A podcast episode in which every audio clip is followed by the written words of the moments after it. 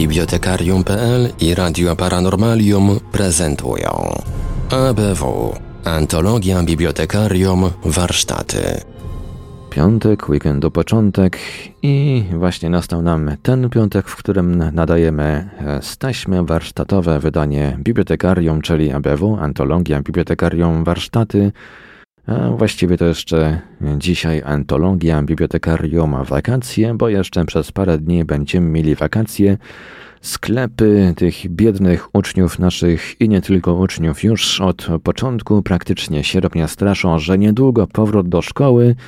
No my jeszcze straszyć nie będziemy, chociaż, e, chociaż te regularne, normalne, że tak powiem, ABW już z zapasem, coraz bliżej, coraz bliżej. Miejmy nadzieję, że e, troszeczkę przybędzie nam opowiadań do zaprezentowania i skomentowania od, odpowiednio oczywiście. Przy mikrofonie i za starami technicznymi audycji jak zawsze Marek Sękiewelios, a po drugiej stronie e, połączenia tym razem tylko internetowego jest z nami jeden pan z ABW, Marek Żelkowski. Wiktorowi dzisiaj postanowiliśmy dać jeszcze troszkę spokój. Niech jeszcze trochę ma, niech jeszcze troszkę odpocznie w te wakacje, niech ma jeszcze troszkę z tych wakacji. A więc, Marku, czas najwyższy na magiczne Halo Halo Bydgoszcz. Halo, halo, tym razem pojedynczo, tak jak powiedziałeś. E, ja się przyłączę od razu do pewnego apelu, e, który tak nie wprost Iwelios wygłosił, a mianowicie, że no, wakacje mają się ku końcowi, a tymczasem cierpimy na pewien niedobór opowiadań. Taki zupełnie jakby ście Państwo nic nie pisali w czasie tych, w czasie tych wolnych y, dni, tygodni, czy właściwie miesięcy. No, trochę posłucha. No, trzeba by się zastanowić, e, jak ABW ewentualnie, ewentualnie twórczo przekształcić, ale ja cały czas liczę, że wena, wena w naszych słuchaczach wezbrała i na owoce tej weny przyjdzie po prostu chwilkę poczekać. To tyle tytułem, tytułem apelu. Naprawdę e, trosz, troszkę mało mamy tych opowiadań, a tu sezon zapasem. No ale dobrze, to sobie, to sobie na razie odpuśćmy. E, apel Czwartą został falą wygło- niektórzy nas już straszą. Może będzie jakaś czwarta fala opowiadań przy okazji kolejnego lockdownu. Jest taka nadzieja. No w każdym razie s- Nawet apel lockdown wygłosi- może mieć w tym kraju, w tym smutnym kraju jakiś pozytywny aspekt. No, ja tam nikomu lockdownu nie życzę, w każdym razie na opowiadania czekamy. To tyle tytułem, tytułem zagajenia. No a dzisiaj, dzisiaj mamy jeszcze wakacje. No i cóż, te wakacje to kolejne opowiadanie. Z tym, że hmm, przygotowałem sobie wstęp i oczywiście, oczywiście e, mam tyle początków, że muszę któryś wybrać no to ten powiedzmy. Myśmy Państwa przyzwyczaili w czasie wakacji, tych i poprzednich, e, że bardzo często te opowiadania, mm, te opowiadania mm, datowane na złotą erę science fiction, czyli cz- lata, koniec lat 40., początek 50., to były opowiadania lekkie, łatwe i przyjemne, napisane prostym językiem, z prostą, stosunkowo prostą e, intrygą, która się płynnie albo mniej płynnie, ale dosyć, y, dosyć sprawnie rozwiązywała i człowiek był zadowolony, że oto poznał kolejną historię. Dzisiejsze opowiadanie, no już po pierwsze nie jest z tej złotej ery science fiction, trosz, troszkę później powstało, bo na początku lat 60. Jego y, autorem jest człowiek, y, z którego z którego nazwiskiem i imieniem będę miał pewne problemy, e, a może Ivelios pomoże. Według mnie to to jest Algis Badris. Ja Iveliosie? to czytam jako Algis Budris. No właśnie, no Ale to, to słuchajcie. od dialektu. Jakbyśmy wzięli kilku native speakerów e, angielskiego z różnych części świata, to pewnie też e, jakaś wariabilność by w tej wymowie wystąpiła. No w każdym razie pan Algis napisał opowiadanie o intrygującym, tytu- intrygującym tytule kryształowa ściana, oko nocy. I to opowiadanie zaczyna się tak, jak się opowiadania powinny zaczynać, czyli dosyć dynamicznie, coś się dzieje, strzelają nawet. I tak się toczy, toczy, toczy. W pewnym momencie dojeżdżamy do końca. I zostajemy z takim przekonaniem, że za cholerę nic nie rozumiemy. Przynajmniej większość.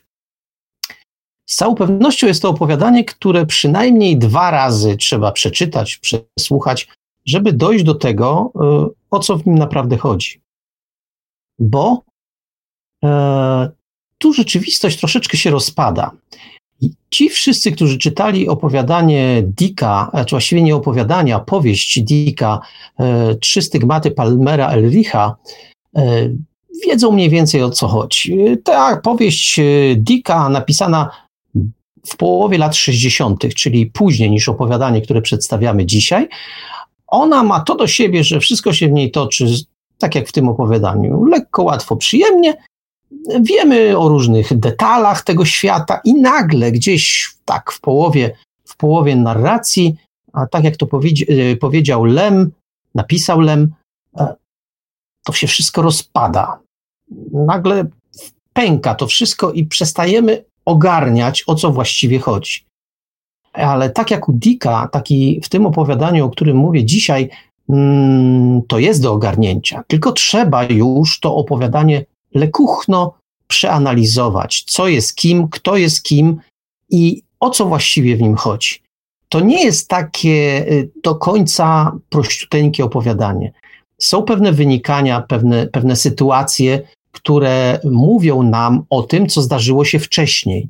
A zatem, a zatem kiedy przeniesiecie się Państwo z bohaterami gdzieś tam na Marsa i toczą się określone dialogi z tambylcami, no chyba, chyba dobrze mówię, tambylcy, czyli mieszkańcy Marsa, e, miejscowa rasa, którzy oferują jednemu z bohaterów pewne, pewne urządzenia, o tak to określmy, E, no to musimy sami rozstrzygnąć, e, jak to urządzenie działa, szczególnie w kontekście końca tego opowiadania, w którym niby coś się dzieje, ale czy dzieje się na pewno? Więc te analogie z, z powieścią Dicka są naprawdę bardzo daleko idące. Więc lata 60. to już był ten czas, kiedy fantastyka przestała być lekka, łatwa i przyjemna o y, takiej fabule, którą się dało pyk, rozgryźć i wszystko, i wszystko było wiadomo. Nie, tu ta fantastyka zaczyna być już troszeczkę trudniejsza, ale chyba przez to bardziej fascynująca, bo okazuje się, że lekkie, łatwe, proste, takie kosmiczne historie są fajne, ale historie, w których e, trzeba się zachowywać troszeczkę jak, e, jak człowiek, który przeprowadza śledztwo, jak detektyw, no to jest właściwie jeszcze fajniejsze. No i z taką, z taką historią mm, macie Państwo do czynienia w dzisiejszym odcinku e, naszej audycji. E, te wakacje postanowiliśmy zakończyć no, w, miarę, w miarę ambitnie i stąd kryształowa ściana oko nocy. E, Marku, a tobie jak się czytało to opowiadanie? No, mi się to opowiadanie cały czas jeszcze czyta, bo ja dopiero gdzieś tak doszedłem do połowy, ale myślę, no, takie dosyć dynamiczne, przynajmniej do tego momentu, do którego ja dotarłem. Dosyć takie dynamiczne, dużo tam się dzieje, muszę powiedzieć. Całkiem fajnie się to czyta. O właśnie, i niech to Państwa nie zwiedzie, bo oczywiście to jest duży plus tego opowiadania, że autor, y, pan Algis y, Badrys, Budrys, czy jak onkolwiek się nazywa, e, rzeczywiście z tą dynamicznością, z pewnym takim, z pewnym takim ruchem, no, w teatrze byśmy powiedzieli scenicznym, radzi sobie świetnie. I, i, I to oczywiście świadczy o dużej klasie pisarskiej, ale to jest tylko, proszę Państwa, przykrywka. Przykrywka do pewnej rozgrywki ze słuchaczem, w tym wypadku, czy czytelnikiem.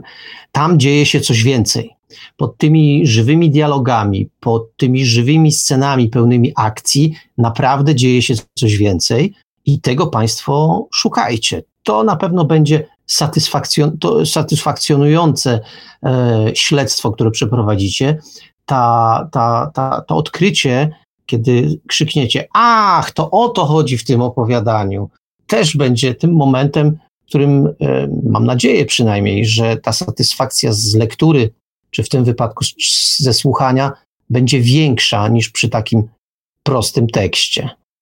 No i cóż, proszę Państwa, żeby nie, nie zabić tego opowiadania gadulstwem, no to, to zapraszam Państwa bardzo serdecznie na, e, na opowiadanie kryszta, Kryształowa ściana oko nocy. No cóż, a za tydzień, za tydzień słyszymy się, jak to proszę Państwa brzmi, no już będzie wrzesień, po wakacjach, przynajmniej dla większości, większości młodych ludzi. Są jeszcze studenci, no ale tak naprawdę to już tak klimatycznie chociażby po wakacjach, no wrzesień, za to spotkanie będzie niezwykle ciekawe. E, ja już o tym wspominałem. Przypominacie sobie Państwo e, pana Daniela Dziewita, który opowiadał, opowiadał w swoim czasie o takiej mm, książce swojego autorstwa, w której e, rozmawiał z rodzinami samobójców. Wstrząsająca książka, ale zrobiona nie na zasadzie sensacji i taniego poklasku, tylko pewnej analizy sytuacji, pewnej analizy zjawiska. I to, to, to, to była książka, którą się przeżywało, mocno przeżywało. A teraz y, autor wraca z książką niezwykłą. Jak sam ją reklamuje, to jest najtańszy smartfon świata, bo książka rzeczywiście ma zewnętrzną formę smartfona. Kiedy, kiedy się położy na stole obok komórki, i zrobi zdjęcie, to właściwie trudno odróżnić, co jest czym. No ale to jest książeczka, książeczka, która bardzo, w bardzo krótkich tekstach przedstawia. Hmm, chciałem powiedzieć, że przedstawia zagrożenia, jakie niesie ze sobą cywilizacja, cywilizacja E, czyli, czyli cywilizacja, w której najważniejsze, najważniejsze są smartfony, najważniejsza jest sieć, najważniejsza, najważniejsze jest to, żeby być w tej sieci i nieustannie, nieustannie komunikować się z innymi ludźmi za pomocą mediów społecznościowych. Mm, autor Oczywiście Daniel Dziewik słuchając w międzyczasie Radia Paranormalium i Bokradia. Bo czemu by nie? Tak, tylko czemu by nie? Natomiast Daniel Dziewit pokazuje, jak powoli, bardzo powoli, tak jak y, żaba, którą gotuje się w zimnej wodzie, i która nie czuje, że robi się coraz goręcej, no troszeczkę jesteśmy jak ta żaba. Nie zauważamy, że nasze życie się zmienia i to zmienia się radykalnie, że przestajemy już y, pewne rzeczy kontrolować, że przecinają się więzy, że zmieniają się nas, nasze zachowania i to zmieniają się mm, tak radykalnie, że właściwie przesta gdybyśmy spotkali swoich, swoje drugie ja sprzed powiedzmy 20 lat, to już mielibyśmy problem, żeby, żeby e, samemu ze sobą się dogadać. I tak dalej, i tak dalej. Ja nie będę oczywiście, nie będę oczywiście wyręczał naszego gościa, ale myślę, że to spotkanie e, na temat książki Homo Enter, ten tytuł, ten tytuł też dużo mówi. Spotkanie na temat książki Homo Enter to będzie fascynujące spotkanie, bo jak Państwo pamiętacie, a jak nie pamiętacie, to, to będziecie się mieli okazję przekonać, jest wspaniałym gawędziarzem, potrafi o tych zagadnieniach, które porusza, niełatwych zagadnieniach, potrafi mówić ciekawie, w sposób wciągający, a w dodatku nie spłaszcza problemu. No i wiecie Państwo, ja nie będę wyręczał, y, nie będę wyręczał autora książki. On myślę o tych problemach e-cywilizacji powie w sposób e, najbardziej kompetentny. E, myślę, że to będzie niezwykle ciekawa audycja, szczególnie, że będziemy mieli jeszcze jednego gościa, którego zaprosił pan Daniel Dziewit, również erudytę, również człowieka, który, który o tej e-cywilizacji ma nie do końca najlepsze zdanie trochę się wije jak piskosz, słyszycie to Państwo, ale staram się, staram się z jednej strony nie wylewać kubła pomyj na, na to wszystko, co nowoczesne, z drugiej jednak strony po lekturze książki Homo Enter, o której będziemy rozmawiać za tydzień, no ciężko mi, ciężko mi idzie po prostu. A więc cóż, proszę Państwa, za dwa tygodnie ABW już myślę w normalnym, w normalnym wydaniu, takim kanonicznym, z opowiadaniami i z pewną częścią warsztatową. Miejmy nadzieję, bo tak jak mówiłem, tych opowiadań jakoś tak mało ostatnimi czasy. No a za tydzień Homo Enter, Daniel Dziewit i myślę pasjonujący wieczór, pełen zaskoczeń. Tak, proszę Państwa, zaskoczeń, bo my naprawdę nie zdajemy sobie sprawy, jak ta e-cywilizacja nas otacza, oblepia, obłapia. Nie mamy pojęcia, jak głęboko jesteśmy w czarnej, no i tak dalej. Cóż, a teraz życzę Państwu e, dobrego wieczoru i fajnej lektury. Przed Państwem opowiadanie Kryształowa ściana, oko nocy.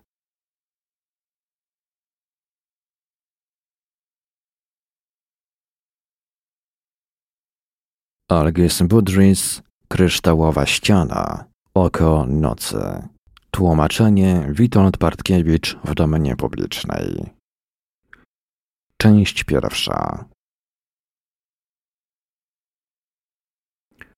Koło biurka Rufusa Solenara, miękko jak płacz lamentującej gołębicy, zabrzmiał telefon. Sam Solenar stał kilkadziesiąt kroków dalej. Unosząc wysoko swoją lwią głowę, z rękoma w kieszeniach, obserwował świat nocą, wyglądając przez kryształową ścianę dającą widok na całą wyspę Manhattan. Okno znajdowało się tak wysoko, że część rozpościerającej się panoramy skryta była pod niskimi obłokami wiszącymi nad rzekami. W górze świeciły gwiazdy. Miasto poniżej porysowane było świetlistymi liniami i wypełnione między nimi po brzegi światłem.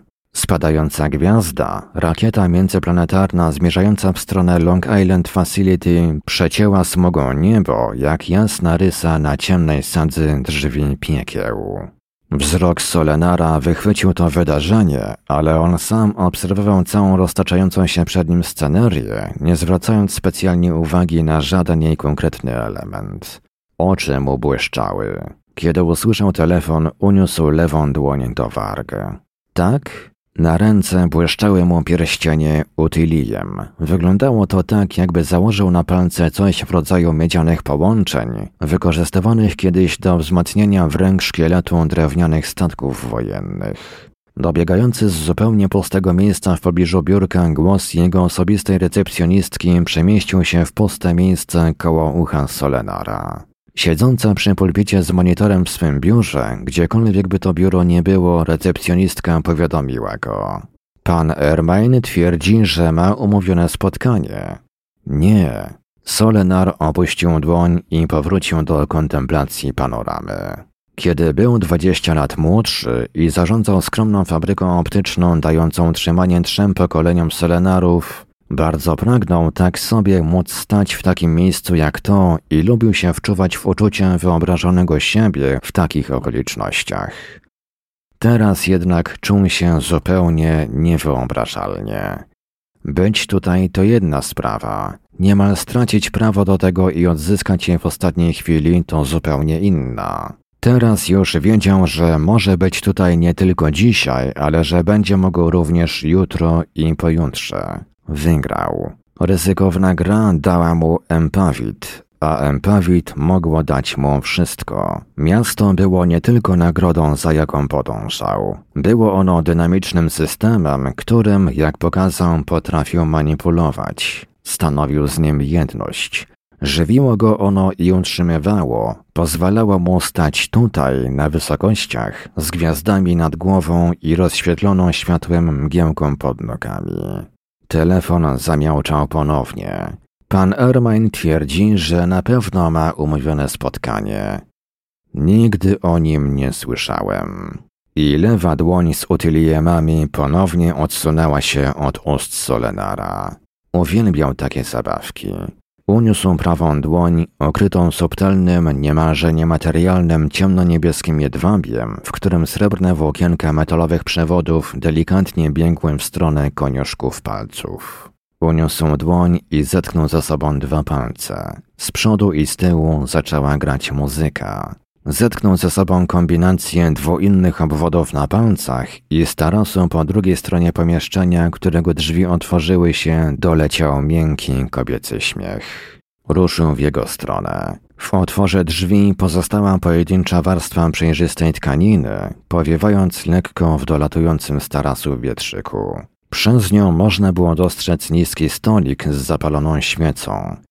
Wino w stojącym obok niego uchwycie z koszem z lodem, dwa delikatne krzesła, czekającą na jednym z nich bez Allardyce, wysmokłą i królewską.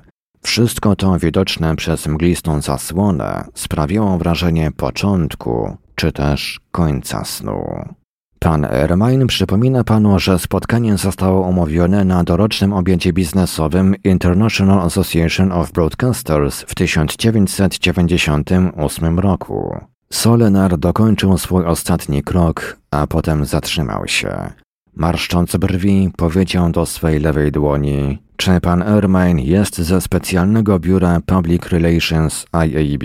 Tak, odparł głos po krótkiej przerwie. Palce prawej ręki Solenara złożyły się w stożek. Drzwi łączące z tarasem zamknęły się. Dziewczyna zniknęła. Muzyka ucichła. W porządku. Proszę powiedzieć panu Ermine, żeby wjechał na górę. Solenar podszedł do swego biurka i usiadł za nim.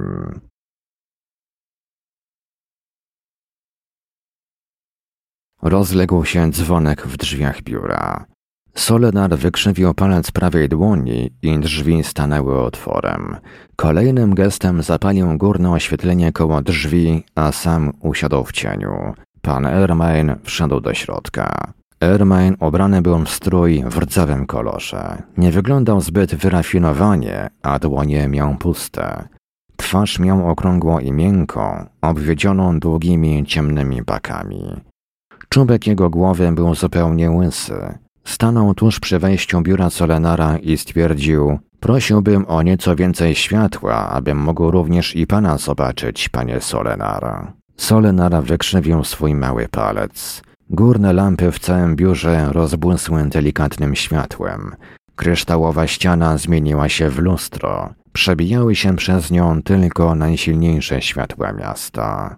Chciałem tylko obejrzeć sobie pana jako pierwszego, odparł Solenar. Myślałem, że może kiedyś przedtem już się spotkaliśmy.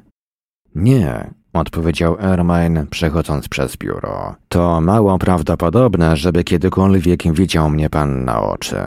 Wyjął z kieszeni futerę z legitymacją i pokazał ją Solenarowi, identyfikując się w ten sposób.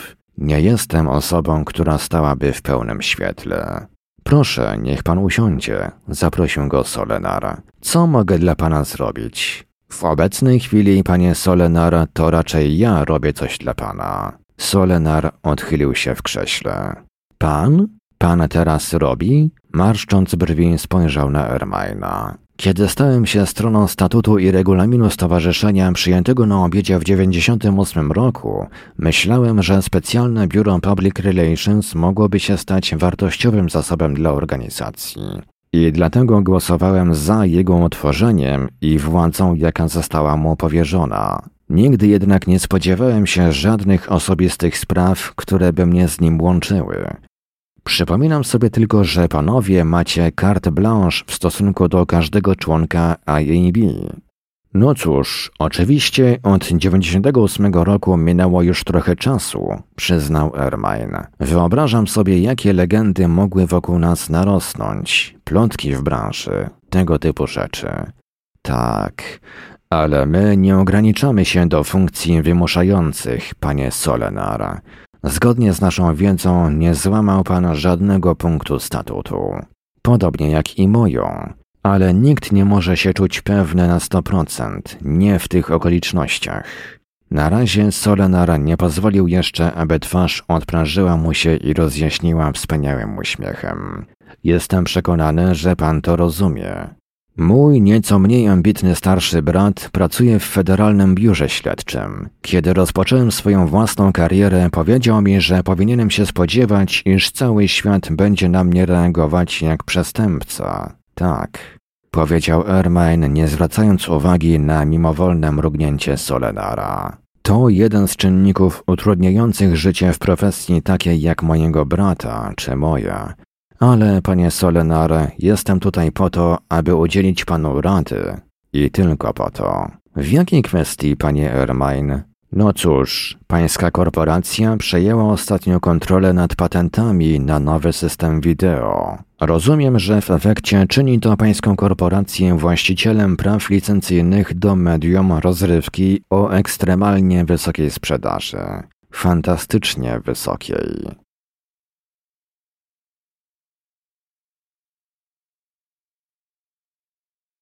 Empawit, potwierdził Solenara. W świadomie odbierany program wplecione są rozmaite bodźce podprogowe, które są razem z nim nadawane. Domowy odbiornik zawiera czujniki odpowiedzi zwrotnej, określające reakcję widza na te bodźce i intensyfikujące niektóre z nich, a obniżające poziom innych, w celu stworzenia kompletnej emocjonalnej zgodności między widzem i nadawanym programem. Innymi słowy, Empavit jest systemem włączającym do nadawanej audycji emocje widza w celu osiągnięcia lepszego efektu. Aparat domowy jest jedną zamkniętą całością, jest na wpół przenośny i nie jest jakoś znacząco większy od standardowego odbiornika telewizyjnego. Empavit jest kompatybilny ze standardowymi odbiornikami telewizyjnymi.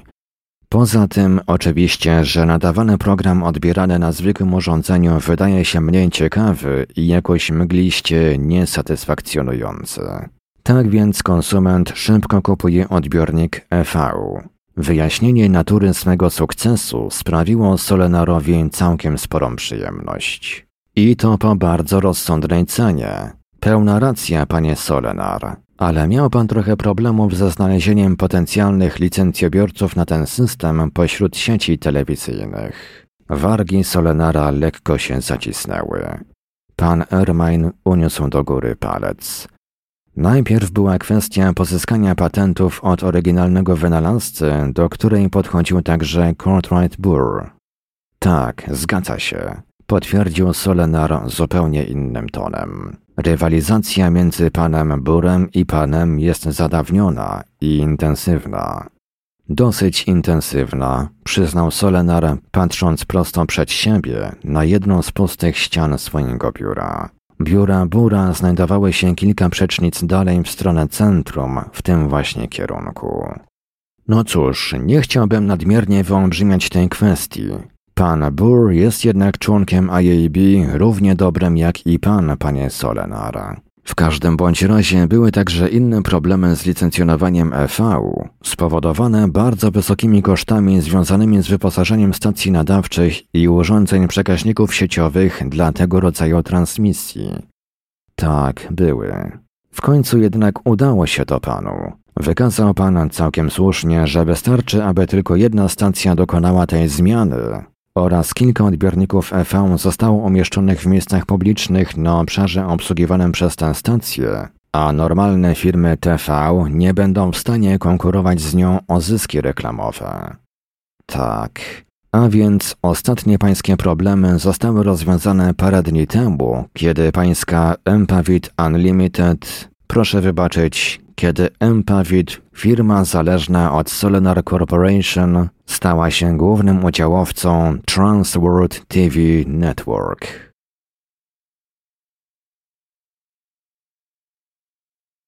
Nie rozumiem, panie Ermine, stwierdził Solenar, dlaczego pan mi o tym wszystkim mówi. Czy próbuje pan zademonstrować mi rozmiary swojej wiedzy? Wszystkie te transakcje, zgodnie ze statutem, są już jedynie kwestią zapisów w poufnych rejestrach IAB. Ermain uniósł palec po raz drugi. Zapomina pan, że jestem tutaj tylko po to, aby udzielić panu pewnej rady. Mam dwie rzeczy do powiedzenia. Oto one. Te transakcje są w rejestrach IAB, ponieważ dotyczą one wielu członków IAB oraz coraz większych zasobów kapitałowych. Ponadto wyłączność Transworld zgodnie ze statutem IAB będzie obowiązywać tylko do czasu osiągnięcia nasycenia rynku na poziomie 33%. Jeśli to EV jest tak dobre jak się wydaje, chwila ta nastąpi dość szybko. Potem, jak mówi statut, IAB będzie zwolnione z utrzymywania efektywnej ochrony przeciwko naruszeniom patentowym przez konkurentów. Wtedy wszyscy członkowie IAB i większość kapitału, którym oni dysponują, zostanie zaangażowana w EV. Większość tego kapitału już teraz podlega ruchom wyprzedzającym. A więc los całej tej wysoce złożonej konstrukcji już obecnie ostatecznie zależy od integralności Solenar Corporation.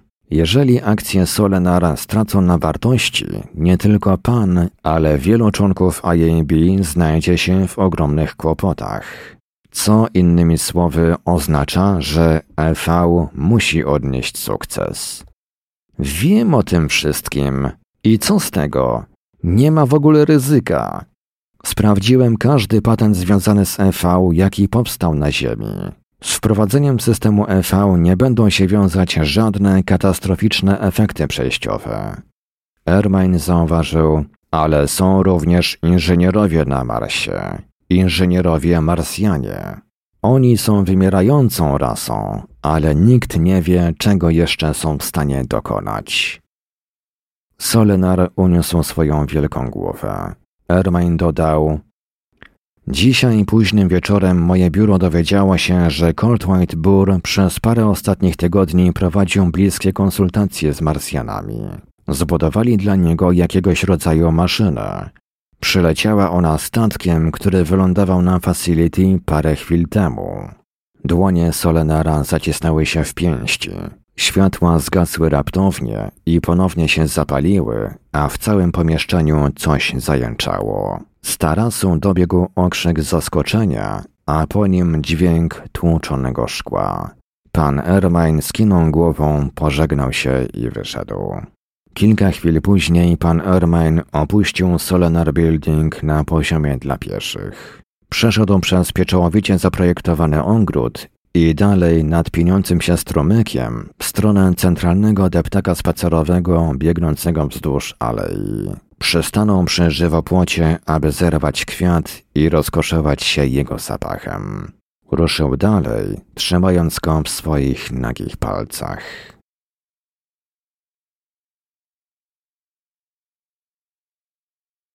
Część druga. Zawieszony na nici swej przędzarki, Rufus Solenar unosił się w powietrzu ponad budynkiem Courtwrighta Bura. Budynek, jak jakiś pająk, dotykał ziemię tylko czubkami nóg. Rozkładał je szeroko na wszystkie strony, tworząc nisko zawieszoną masę, rozpościerającą się jak parasol nad kilkoma kwartałami ulic w centrum miasta. Solenar, manipulując wypełnionym helem plastikowym latawcem wiszącym wysoko w górze, sterował swoim lotem strugami sprężonego gazu z plastikowych butli wbudowanych w konstrukcję latawca. W całym tym systemie tylko sam Solenar nie był zupełnie przeźroczysty dla miejskich radarów antysamolotowych. On zaś był owinięty w długie, łopocące taśmy z ziemisto-czarnej, metalicznej tkaniny. Dla ludzkiego oka stanowił amorficzny obiekt, nie odbijający światła. Dla sensorów elektronicznych był tylko kłębkiem zakłóceń, wyglądając jak arkusz metalowej folii uniesiony przez wiatr z jakiejś beztrosko pozostawionej sterty śmieci. Dla wszystkich zmysłów, wszystkich zainteresowanych w ogóle niemalże nie istniał i dlatego dawało mu to doskonałą sposobność dokonania zabójstwa. Złapał się okna bura. W środku był mężczyzna, siedział pochylony nad biurkiem. Co on trzymał w dłoniach? Jakiś flakon? Solenar odpiął uprzęż od siebie i przypiął ją do krawędzi gzymsu. Odchylając się na nim, zaparty gąbczastymi podeszwami butów o szkło, dotknął lewą dłonią okna i zatoczył nią koło. Nacisnął. Rozległo się stłumione stuknięcie na pokrytej dywanem podłodze biura bura i ostatnia bariera dla Solenara zniknęła. Złożył się w pół, podkurczając kolana do piersi i wyrzucił się do przodu, trzymając w prawej dłoni pistolet gładkolufowy. Potknął się i upadł na kolana, ale broń trzymał wycelowaną. Bur podskoczył do góry za swoim biurkiem. Mała kula z pomarańczowo-złotego metalu, poznaczona ciemniejszymi brązowymi smugami i pokryta robaczkami inkrustacji, ciągle znajdowała się w jego dłoniach. To on! wykrzyknął Bur, kiedy Solenar wystrzelił. Łapiąc oddech, Solenar obserwował, jak ładunek trafia w Bura. Odrzucił jego tułów do tyłu szybciej niż głowa i kończyny były w stanie za nim podążyć, bez wymachu. Wytłumiony pistolet był niemal bezgłośny. Bur z przestrzeloną piersią, lecąc plecami do tyłu, uderzył o ścianę. Blady Solenar, z trudem powstrzymując mdłości, ruszył, aby zabrać złotą kulę. Zastanawiał się, gdzie Szekspir mógł coś takiego zobaczyć, że wiedział, iż stary człowiek może mieć w sobie aż tyle krwi. Bur wyciągnął do niego rękę z nagrodą. Wpatrujący się w niego oczyma rozszerzonymi przez ciśnienie hydrostatyczne, z ubraniem poznaczonym rdzawymi plamami i tułowiem zmienionym w kłąb połamanych kości, Bur oderwał się od ściany i ruszył, jakby miał zamiar złapać Solenara za ramiona. To dziwne, ale ciągle jeszcze żył. Cały drżący Solenar ponownie wystrzelił. I znów Bur został odrzucony do tyłu. Kiedy po raz kolejny wylądował plecami na ścianie, kula wyleciała mu z pomiędzy rozluźnionych palców. Flakon, pomarańcza czy cokolwiek innego, wyglądało to na coś cennego. Solenar pogonił za odtaczającą się kulą. A Bur przesunął się, aby przeciąć mu drogę, niemalże pozbawiony twarzy, jakby przygarbiony przez jakiś ogromny, niewidoczny ciężar, który powoli poddawał się, w miarę jak jego plecy coraz bardziej trzeszczały. Solenar zrobił krok do tyłu. Bur zrobił krok w jego stronę. Złota kula leżała w przeciwległym kącie biura. Solenar z desperacją uniósł pistolet i wystrzelił po raz trzeci. Bur zatoczył się kilka kroków do tyłu, młócąc rękoma jak wiatrak i upadł na jego nagrodę. Łzy spłynęły Solenarowi po policzkach. Przesunął jedną stopę do przodu, a leżący w kącie bur uniósł głowę i zaczął zbierać swoje ciało, wytężając siły, aby wstać. Solenar wycofał się do okna. Pistolet szarpnął mu kilkukrotnie dłoń i łokieć, kiedy wystrzelił pozostałe naboje w magazynku. Ciężko dysząc, wszedł na parapet okna i przepiął uprząż do swojego ciała, oglądając się przez ramię do tyłu, kiedy bur, gubiąc kawałki ciała, brocząc krwią i czymś gorszym niż krew, ruszył naprzód przez biuro. Puścił się ramy okiennej i niezgrabnie manipulował sterami latawca. Daleko w górze płynny balast wyciekł z pojazdu i rozproszył się w powietrzu na długo przedtem, zanim doleciał do ziemi. Solenar zaczął nabierać wysokości, szlochając. A Bur stał w oknie, trzymając roztrzaskane dłonie na krawędzi wyciętego koła, patrząc nieustannie swoimi rozszerzonymi oczyma i nie spuszczając wzroku z Solenara lecącego po tajemniczo wyglądającym niebie. W miejscu, w którym wylądował, to jest na dachu jednego z należących do niego budynków, Solenar miał naszykowane urządzenie do zniszczenia broni i innych charakterystycznych rzeczy. Chwilowo odsunął od siebie pytanie, dlaczego Bur nie chciał umrzeć. Z pustymi rękoma powrócił do swojej dzielnicy w rezydencjalnej części miasta. Wszedł do swego biura, wezwał adwokatów i przekazał im dokładną godzinę wyjścia i powrotu. Wiedział, że kwestia kontaktów z miejskimi władzami w ten sposób została rozwiązana. Było to dosyć proste, bez żadnych świadków, którzy komplikowaliby sprawę. Zaczął żałować, że był taki niezdecydowany i że nie zabrał Borowi rzeczy, po którą przybył. Przecież z pewnością, jeżeli pistolet nie zabił tego człowieka, starca o wątłych kończynach i poplamionej skórze, Mogło sam odepchnąć siłą na bok tego zakrwawionego starca o cienkich rączkach, tego poplamionego starca i wyrwać się razem ze swą nagrodą z powrotem do okna, bo przecież jedyne co ten starzec mógł zrobić, to czepiać się go, chwytać go za nogi i próbować złapać się jego taśm maskujących. ten przeklęty, nieśmiertelny starzec. Solenar uniósł dłoń. Wielkie okno na miasto zrobiło się nieprzejrzyste. Bez Allardyce zastukała delikatnie w drzwi od strony tarasu. Można by pomyśleć, że wróciła do swojego apartamentu już wiele godzin temu. W pokrętny sposób zadowolony otworzył drzwi i uśmiechnął się do niej, czując jak wysuszone ślady po łzach pękają mu na skórze policzków. Chwycił ją za wyciągnięte dłonie. Czekałaś na mnie, westchnął. Już od dawna nikt tak piękny jak ty na mnie nie czekał, odpowiedziała mu uśmiechem. Wyjdźmy na dwór i popatrzmy na gwiazdy. Nie jest za chłodno? Zrobiłem dla nas gorący korzenny cydr. Możemy go pić i rozmyślać. Pozwolił jej wyciągnąć się na dwór, na taras. Oparł się o barierkę, otaczając ręką jej pulsującą talię i rozciągnąwszy swą pelerynę na ramiona ich obojga. Bez, nie zapytam cię, czy zostaniesz ze mną niezależnie od okoliczności, ale mogą nadejść chwile, kiedy nie zdołam znieść już dalszego życia w tym mieście. Co o tym sądzisz? Nie wiem, odparła szczerze. A Courtright Burr przełożył rękę przez krawędź parapetu pomiędzy nimi.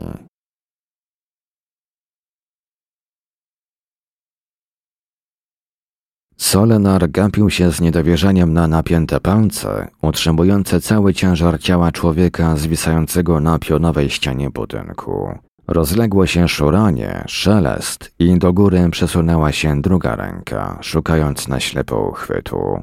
Znalazła go, wczepiając się w kamień, próbującego podciągnąć głowę i ramiona ponad poziom barierki. Bez wydeszała, Och, popatrz tylko na nie. Musiał je straszliwie pozdzierać, wspinając się tak na górę.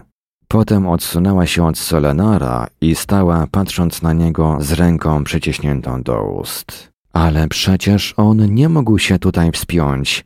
Jesteśmy tak wysoko.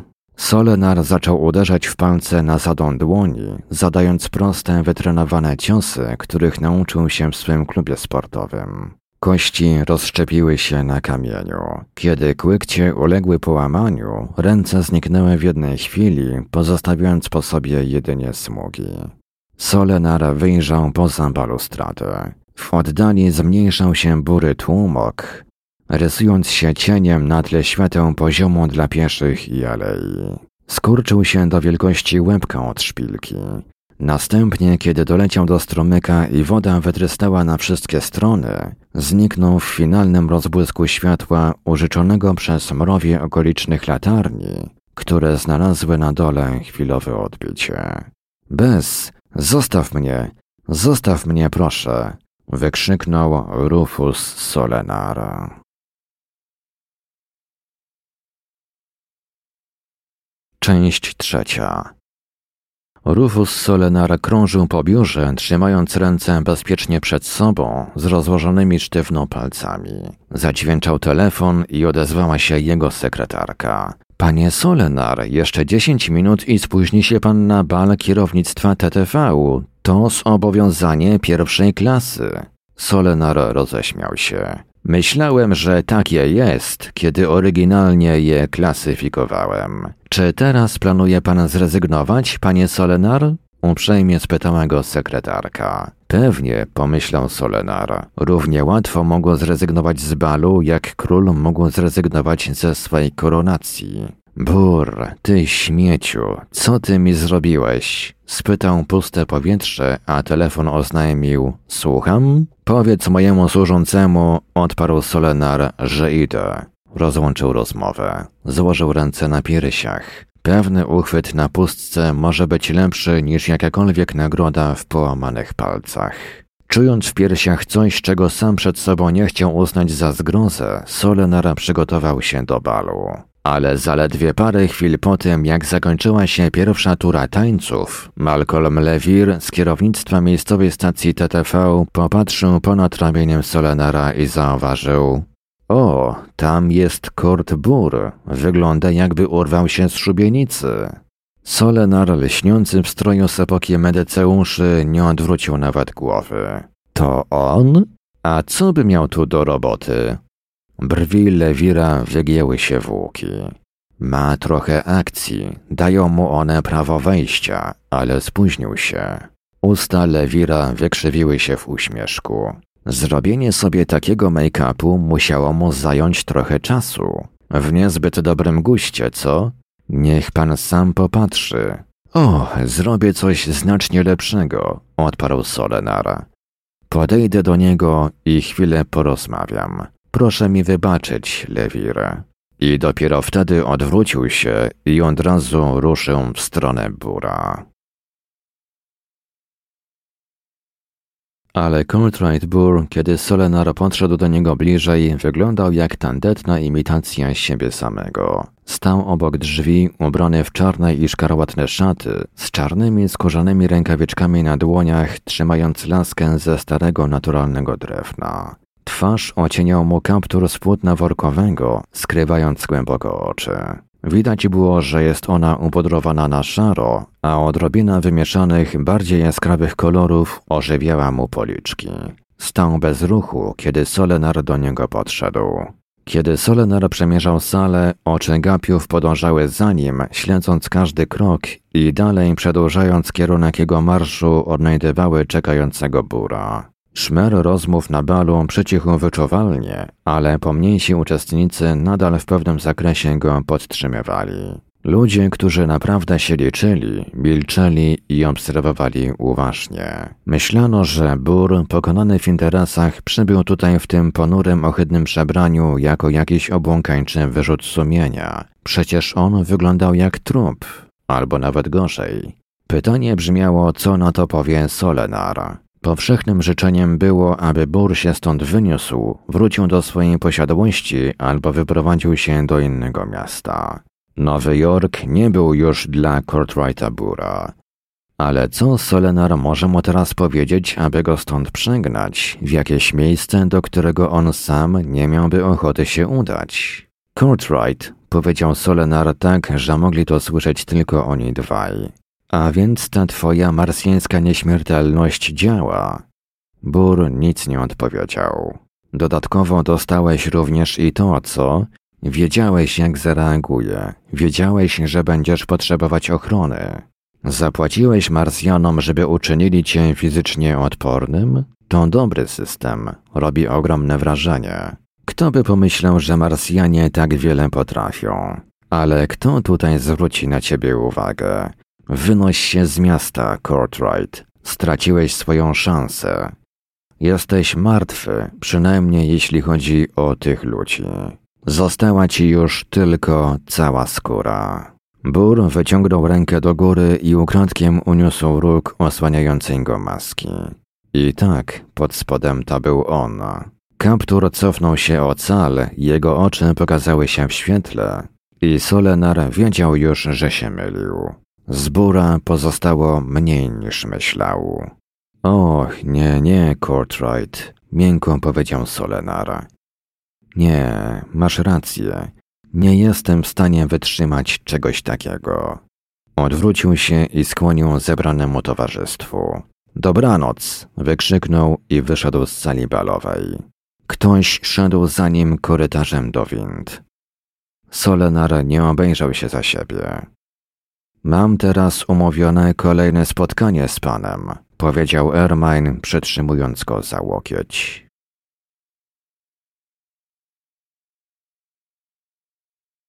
Znaleźli się na poziomie ruchu pieszego. Solenar zaproponował: Chodźmy do kawiarni, tam możemy pomówić. To zbyt publiczne miejsce, panie Solenar. Lepiej po prostu rozmawiajmy spacerując. Ermine lekko wziął go pod ramię i skierował na chodnik. Solenar zauważył, że Ermine był tak sprytnie przebrany, że nikt nie byłby w stanie nawet domyślić się jego wyglądu. Bardzo dobrze, zgodził się Solenar. Oczywiście. Spacerowali razem, niby zupełnie przypadkowo. Ermine rozpoczął, Bur chce doprowadzić do pańskiej śmierci. Czy to dlatego, że pan próbował zabić go wcześniej? Czy zdobył pan ten jego marsjański sekret? Solenar pokręcił głową. Nie udało się panu, westchnął Ermine. To niefortunna okoliczność. Będę musiał podjąć odpowiednie kroki. Na podstawie statutu, oświadczył Solenar, domagam się laissez-faire. Żądam nieingerencji. Ermine uniósł wzrok. W oczach pojawiły mu się błyski. Laissez-faire? Panie Solenar, czy ma pan pojęcie, los jak wielu naszych członków zależy od pańskiego? Oni wszyscy, panie Solenar, zawołają do pana laissez-faire, ale pan najwyraźniej upiera się, żeby pociągnąć ich w dół razem ze sobą. Nie, proszę pana. Panie Solenar, moje biuro natychmiast przekaże rekomendacje dla Technicznego Komitetu Doradczego IAB, że według nas pan Bur dysponuje systemem lepszym od pańskiego i dlatego akcji Solenar Incorporated najlepiej jak najszybciej się pozbyć. Tam jest ławka, wskazał Solenar. Usiądźmy. Jak pan sobie życzy? Ermine podszedł z Solenarem do ławki, ale nie usiadł. O co chodzi, panie Solenar? Potrzebuję pańskiej pomocy. Poinformował mnie pan o tym, co ma Bur. To ciągle jest gdzieś w jego biurowcu. Pan ma odpowiednie zasoby. Możemy to zdobyć. Lesafer, panie Solenar. Odwiedziłem pana tylko jako doradca. Nic więcej nie mogę zrobić. A czy dla udziału w moich interesach mógłby pan zrobić więcej? Pieniądze? Zachichotał Ermine. Dla mnie? Czy zna pan warunki mojego zatrudnienia?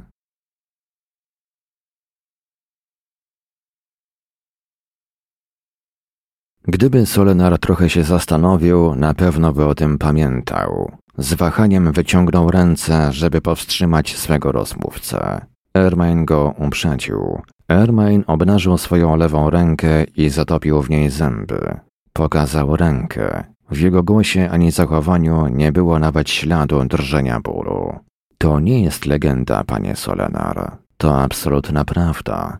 Pracownicy naszego biura muszą spędzić rok po operacji nerwów, ucząc się chodzenia bez czucia w nogach, noszenia różnych rzeczy tak, aby ich nie zgnieść, nie pozwolić im upaść na ziemię, ani samemu sobie nie zrobić krzywdy. Nasze doczesne przyjemności ograniczają się do słuchowych, zapachowych oraz wzrokowych. Łatwo je zaspokoić niewielkim kosztem. Nasze marzenia są w pełni wewnętrzne, panie Solenar. Operacja jest nieodwracalna. Co mógłby mi pan kupić za swoje pieniądze? Co mógłbym kupić dla siebie samego? Głowa Solenara opadła między ramiona. Ermain pochylił się nad nim. Rozpacz, jaką pan czuje, to pańska prywatna rzecz, panie Solenar. Nasze sprawy mają oficjalny charakter. Uniósł wskazującym palcem podbródek Solenara. Oceniam, że fizyczna ingerencja byłaby tym razem nieuzasadniona, ale sprawy muszą zostać załatwione w taki sposób, aby związani z panem członkowie IAB mogli odzyskać kwoty zainwestowane w EV. Czy to jest zupełnie jasne, panie Solenar? Niniejszym zostaje pan na mocy statutu uznany jako objęty nakazami specjalnego biura Public Relations. Rzucił okiem na zegarek. Notatka została sporządzona o godzinie 1.27 czasu miasta. Godzina 1.27, powtórzył Solenar. Czasu miasta. Zerwał się na nogi i popędził po schodach na dół na poziom taksówek. Pan Ermine obserwował go z zagadkowym wyrazem twarzy. Otworzył kieszeń swojego stroju, wyciągnął z niej powszechnie wykorzystywany zestaw medyczny i rozpylił koagulant na ranę na przedramieniu. Schował zestaw, uporządkował ubranie i pomaszerował na dół tymi samymi schodami, którymi zbiegł Solenar. Uniósł rękę i koło niego wylądowała taksówka. Pokazał kierowcy kartę i taksi wystrzeliło w górę razem z nim w środku, ze światłami zapalonymi we wzorcu pierwszeństwa, daleko szybciej niż mógł to zrobić pojazd Solenara, ograniczany zwykłym limitem prędkości dozwolonym na mocy prawa.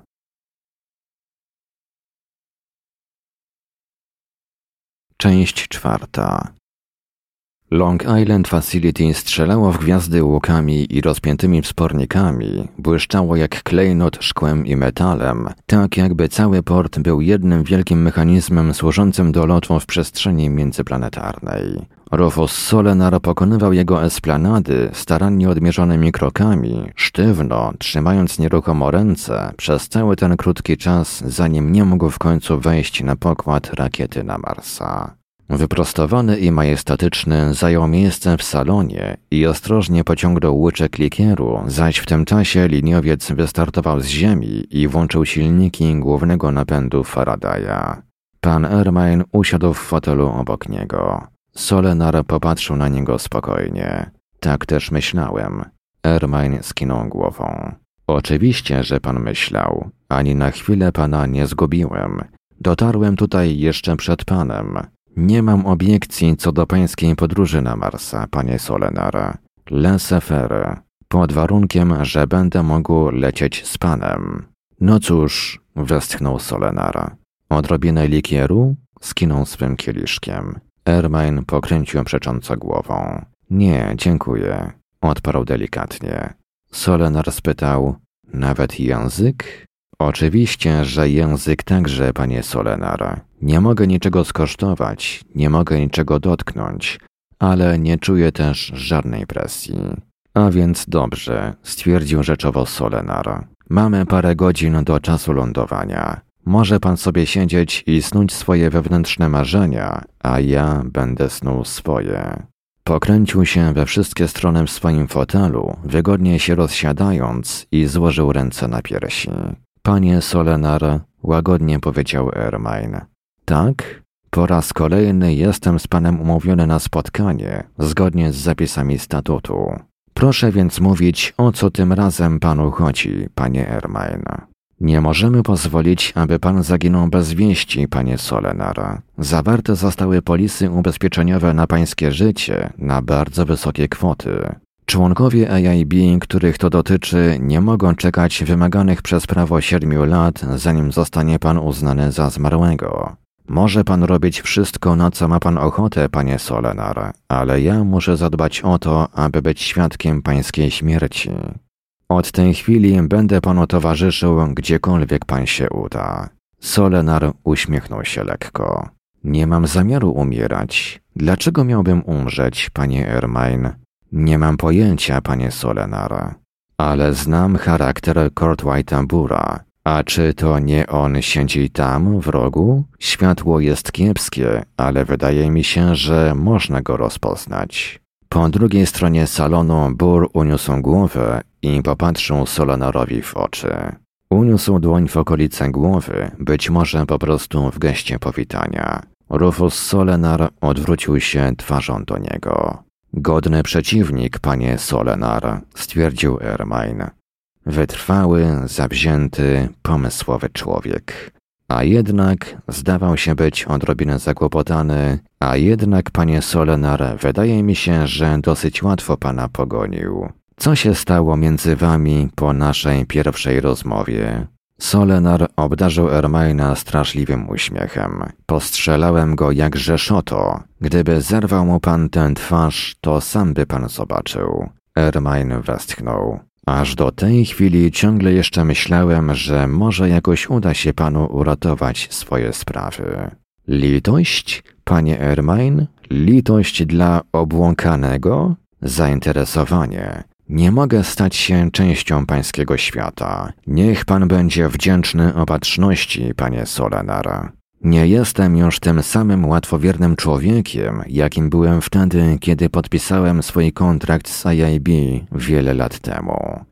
Solenar roześmiał się. Potem obrzucił ukradkowym spojrzeniem kąt, w którym siedział bur.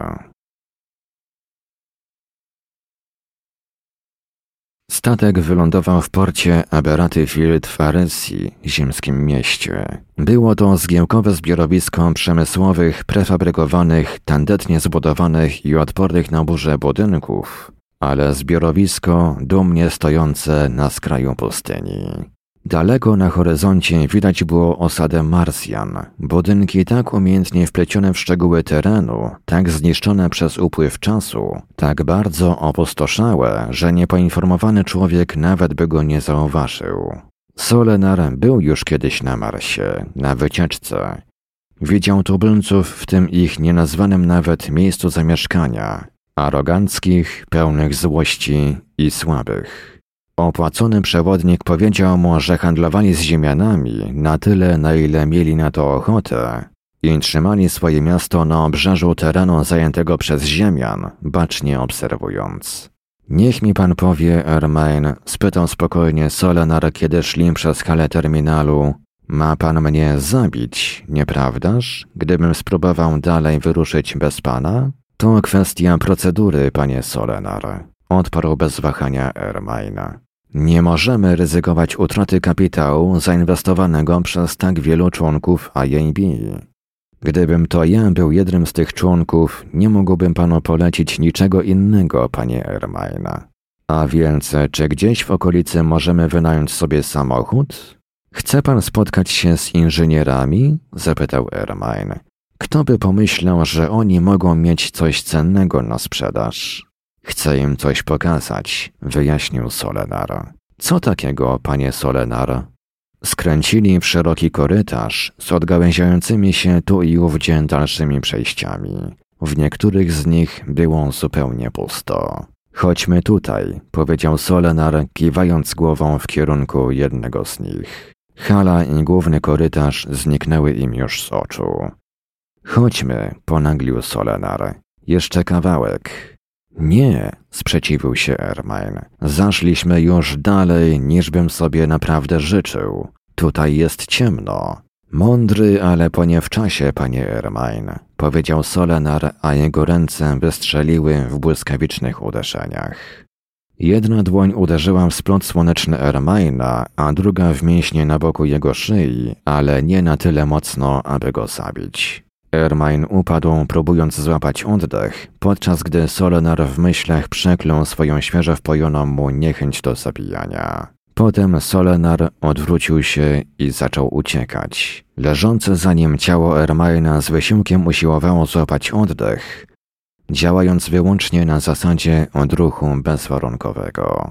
Poruszając się najszybciej jak tylko śmiał, Solenar wrócił do sali i udał się na postój taksówek, ściągając po drodze z wiszącej na ścianie półki respirator. Wsiadł do samochodu i podał miejsce docelowe, oglądając się za siebie. Nie dostrzegł nigdzie Kurt White'a Bura od chwili, kiedy postawił stopę na Marsie. Wiedział jednak, że wcześniej czy później Bur go znajdzie. Kilka chwil potem Ermain pozbierał się na nogi. Samochód Solenara był już daleko. Ermain wzruszył ramionami i udał się do miejscowej stacji nadawczej. Zażądał prywatnej kabiny, broni palnej i natychmiastowego czasu na wewnętrznej linii między biurami a JB na ziemię. Kiedy z jego biura dotarło do niego potwierdzenie nawiązania połączenia, zameldował Solenar jest w drodze do miasta Marsjan. Oczywiście chcę kopii urządzenia, które otrzymał Bur, ponieważ rozbił oryginał, kiedy zabił Bura. Udam się za nim i dokonam ostatecznego usunięcia. Dezorientacja, o której meldowałem poprzednio, szybko postępuje. Niemal wszystkie jego reakcje są w tej chwili niewłaściwe. W czasie lotu w kosmosie wydawał się widzieć kogoś siedzącego w pustym fotelu. Dosyć często, kiedy do niego mówiłem, ewidentnie słyszę coś zupełnie innego. Spodziewam się zdążyć na któryś z najbliższych lotów powrotnych. Nie było sensu czekać na odpowiedź, która musiała pokonać długą drogę z Ziemi. Ermain wyszedł więc. Podszedł do rzędu czekających taksówek i zapłacił podwyższoną opłatę za przewóz poza granice RSI.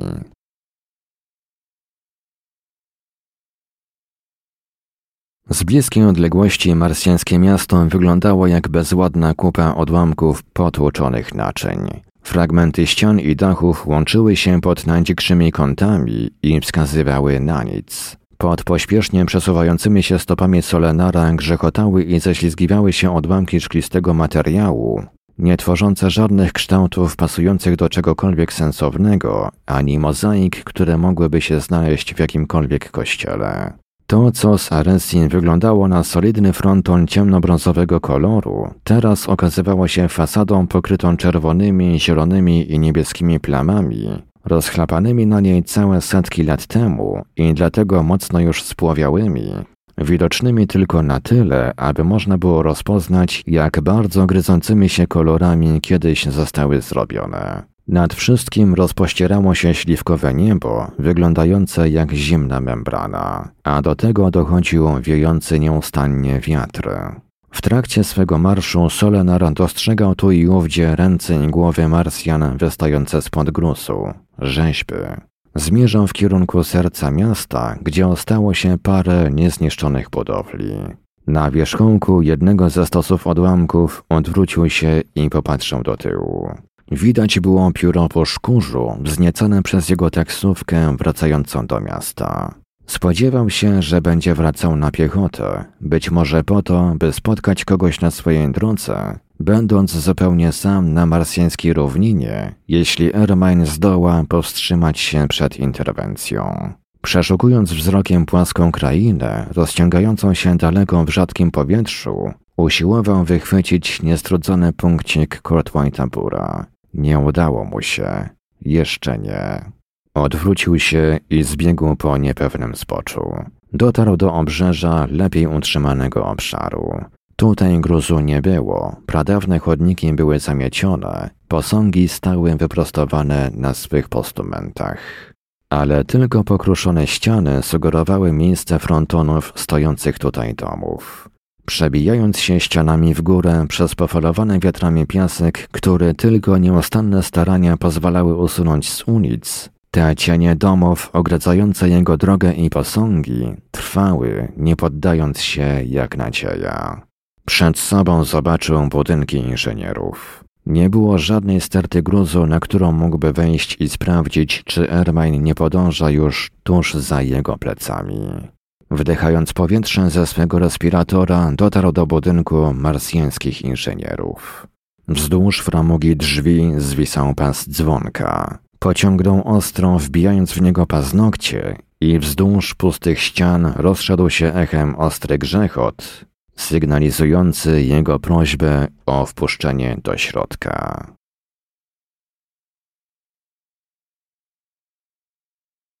Część piąta.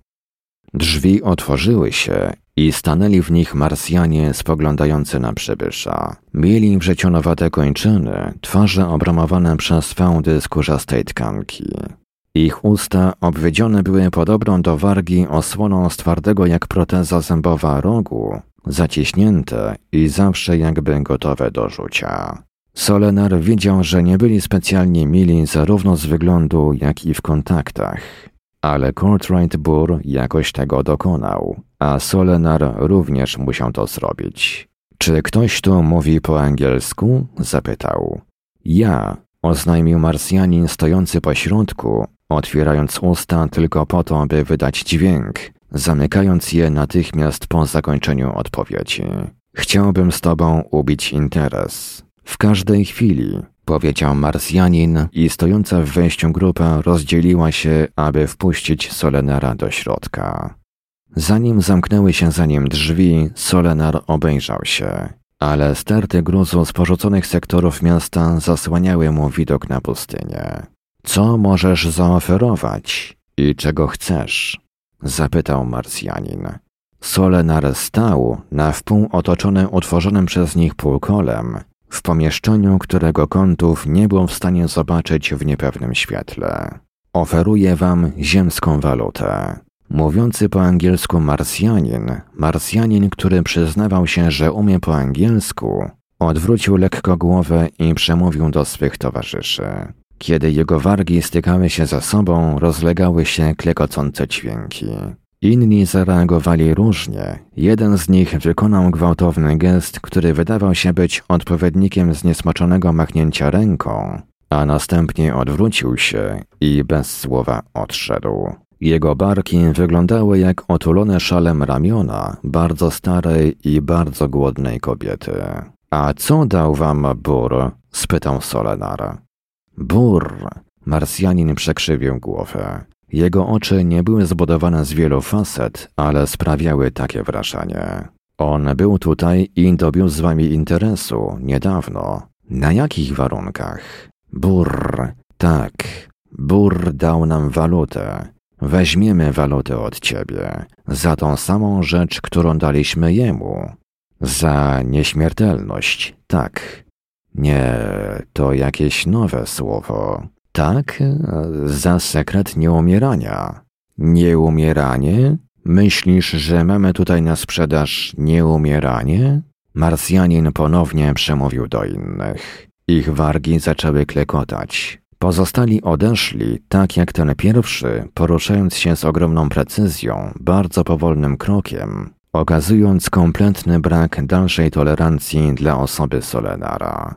Solenar krzyknął: A więc co takiego mu sprzedaliście? Główny inżynier odparł: Zbudowaliśmy dla niego urządzenie rozrywkowe. Niewielki przedmiot, tych rozmiarów. Solenar złożył dłonie w miseczkę. A więc musiałeś je widzieć. Tak. I nic więcej? To wszystko, co on tutaj kupił? To wszystko, co mieliśmy do sprzedania albo do dania. Jeszcze nie wiemy, czy Ziemianie dadzą nam rzeczy w zamian za walutę. Zobaczymy, kiedy następnym razem będziemy czegoś potrzebowali od Aresji. Solenar zaczął się dopytywać. Jak ona działała, ta rzecz, którą mu sprzedaliście? Och, ona pozwala, aby każdy mógł opowiadać historię samemu sobie. Solenar przyjrzał się bliżej Marsjanowi. Jakiego rodzaju historię? Każdego rodzaju, uprzejmie wyjaśnił Marsjanin. Bur powiedział nam, czego chce. Miał ze sobą rysunki urządzenia Ziemian, które używało obrazów na ekranie i transmitowanych dźwięków do przekazywania szczegółów historii opowiadanej widzowi. On ukradł te patenty. Nie będzie mógł ich wykorzystać na Ziemi.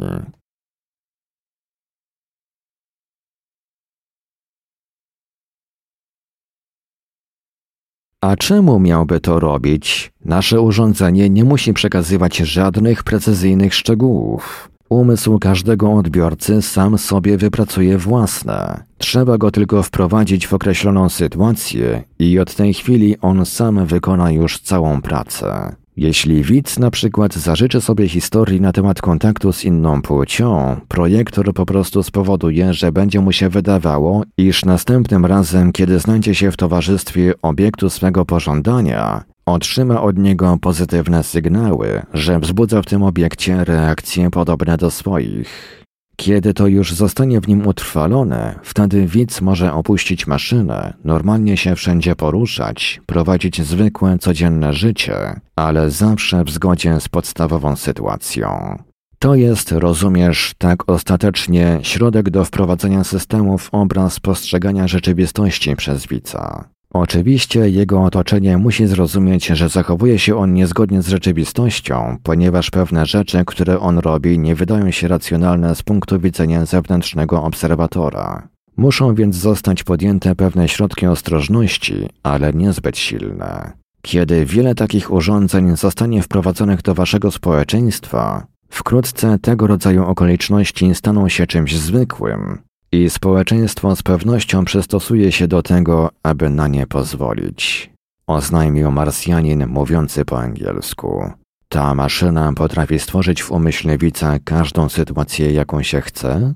Na pewno. Istnieją proste taśmy przygotowujące, które mogą być wprowadzone w razie potrzeby. Miłość, przygoda, rozrywka intelektualna nie ma żadnej różnicy. Kilku z otaczających ich widzów wyklekotało między sobą parę dźwięków. Solenar ukradkiem obrzucił ich wzrokiem. Oczywiste było, że pośród tych ludzi było co najmniej kilku mówiących po angielsku. A urządzenie, które daliście Burowi? spytał inżyniera ani spokojnie, ani z nadzieją. Jakiego rodzaju historie mogli opowiedzieć sobie widzowie korzystający z niego?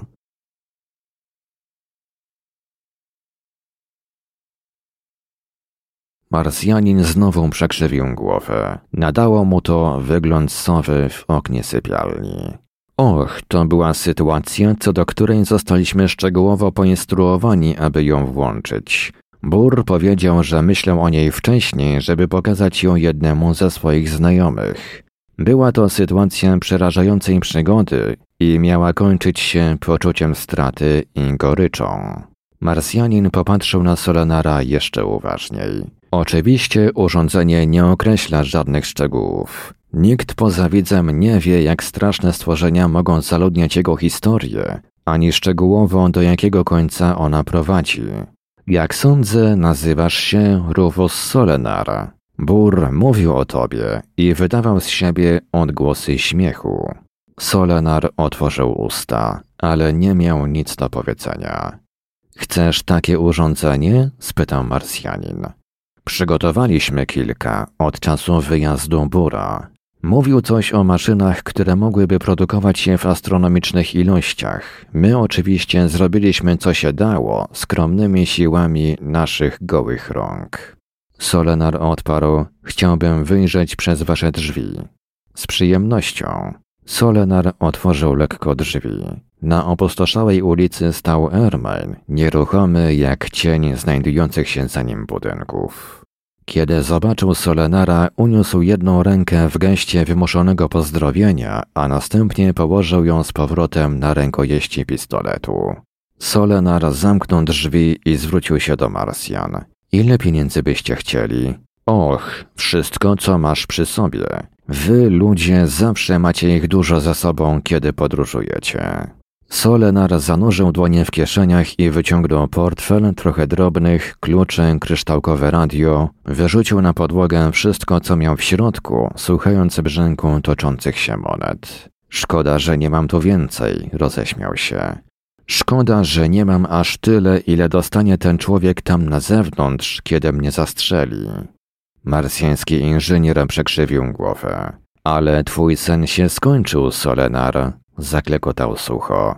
Czyż nie? Zupełna racja, ale wy macie swoje cele, a ja mam swoje. A teraz dajcie mi jeden z tych projektorów i ustawcie go na przygotowanie sytuacji, którą za chwilę wam nakreślę. Weźcie jednak pod uwagę, że będzie on potrzebny przez długi czas. Ta widownia jest bardzo cierpliwa. Zaśmiał się, ale w jego oczach zebrały się łzy.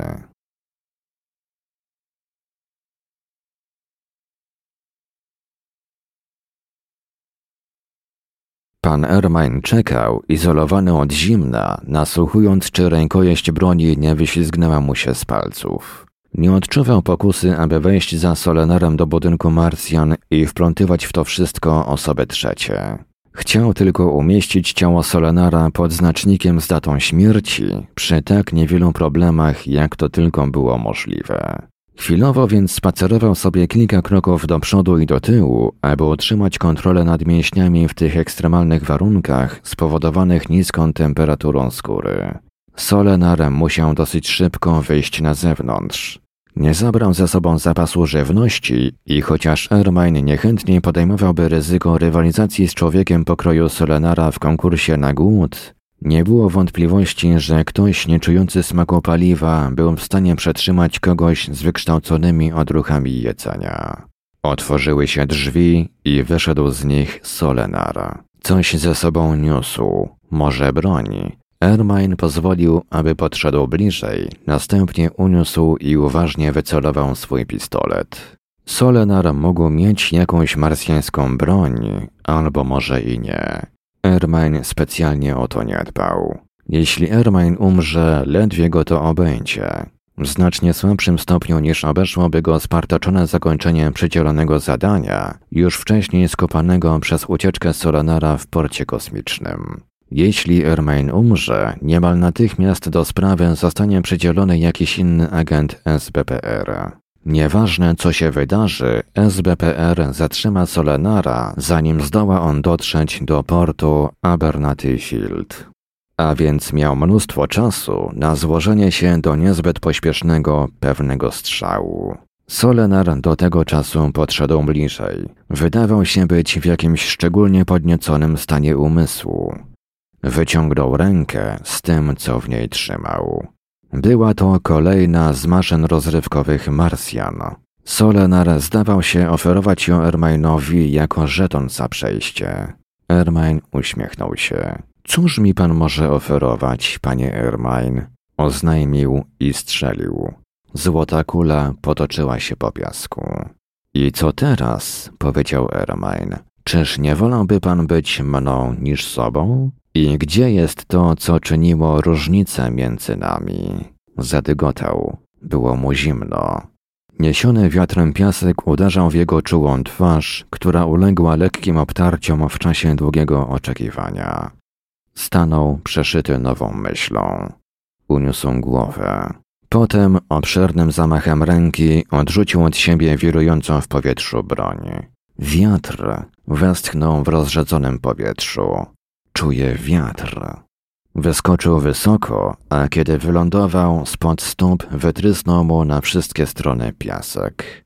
Wyszeptał do siebie: Czuję ziemię. Popatrzył cały drżąc z radości na leżące ciało Solenara. Co mi pan dał? Przepełniony nowym życiem, uniósł ponownie głowę do góry, patrząc w niebo i wykrzyknął w stronę słońca: Och, wy dusi grosze, skąpiradła, którzy uczyniliście mnie nieprzekupnym i myśleliście, że to mój koniec. Z miłością pogrzebał ciało Solenara i z szacunkiem umieścił na nim znacznik, snując przy tym plany tego, co będzie mógł osiągnąć dzięki swej transakcji on sama, jak i krocie tych, których wtajemniczy. Ostry kawałek glinianego naczynia przebił podeszwę jego buta i rozciął mu stopę, ale on, nie widząc rany, również i nie czuł jej. Tak samo nie dostrzegł nic ani nie czuł, nawet kiedy zmienił skarpety, ponieważ nie zauważył zranienia, kiedy powstało. Było ono nieważne. Za parę dni się zagoi, chociaż nie tak szybko, jak wtedy, gdyby odpowiednio się nim zajął. Mgliście słyszał odgłosy klekotania Marsjan za zamkniętymi drzwiami, kiedy ruszył pośpiesznie do miasta, pełen rządzy zemsty i szacunku dla swego wybawcy. I to już koniec opowiadania. Za tydzień na antenie Radia Paranormalium oraz w Book Radio ponownie usłyszymy się w tym normalnym bibliotekarium na żywo, a naszym gościem będzie znany już Państwu z naszych audycji Daniel Dziewit. Dyskusja będzie się toczyła wokół jego nowej książki zatytułowanej Homo Enter. A zatem dobranoc i do usłyszenia ponownie już za tydzień. Bibliotekarium.pl i Radio Paranormalium prezentują ABW Antologia Bibliotekarium Warsztaty